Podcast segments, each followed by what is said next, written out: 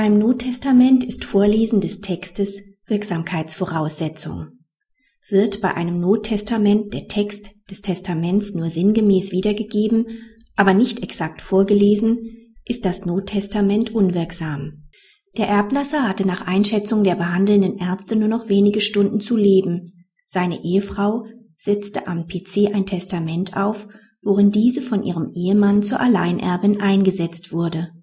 Die Ärztin las dem Erblasser das Testament nicht wörtlich vor, sondern führte ihm im Beisein von zwei Krankenschwestern den Testamentsinhalt zusammengefasst sinngemäß aus.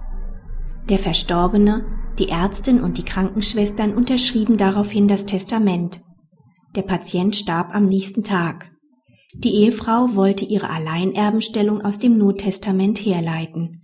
Dem widersprachen das Nachlass und das Beschwerdegericht, da die Formvorschriften für ein Nottestament nicht eingehalten waren. Die Gerichte stützen ihre Entscheidung auf einen Verstoß gegen Paragraph 2250 Absatz 3 BGB in Verbindung mit Paragraph 13 Absatz 1 Beurkundungsgesetz.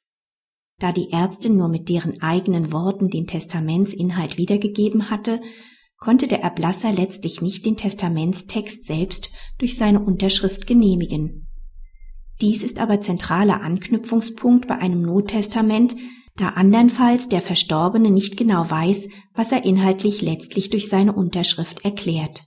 Nur durch wörtliches Vorlesen des Textes erfährt der Erblasser den authentischen Testamentsinhalt, den er mittels seiner Unterschrift als seinem Willen entsprechend dokumentiert. Aus dem Schutzzweck der Norm ergibt sich daher, dass selbst einfach gelagerte Sachverhalte exakt vorzulesen sind. Praxishinweis. Soll ein Nottestament errichtet werden, sind strengste Formerfordernisse einzuhalten, wie die Entscheidung zeigt. Besonders um die missbräuchliche Verwendung eines Nottestaments gegenüber dem subjektiven Erblasserwillen auszuschließen, ist die Entscheidung in ihrer Eindeutigkeit zu begrüßen.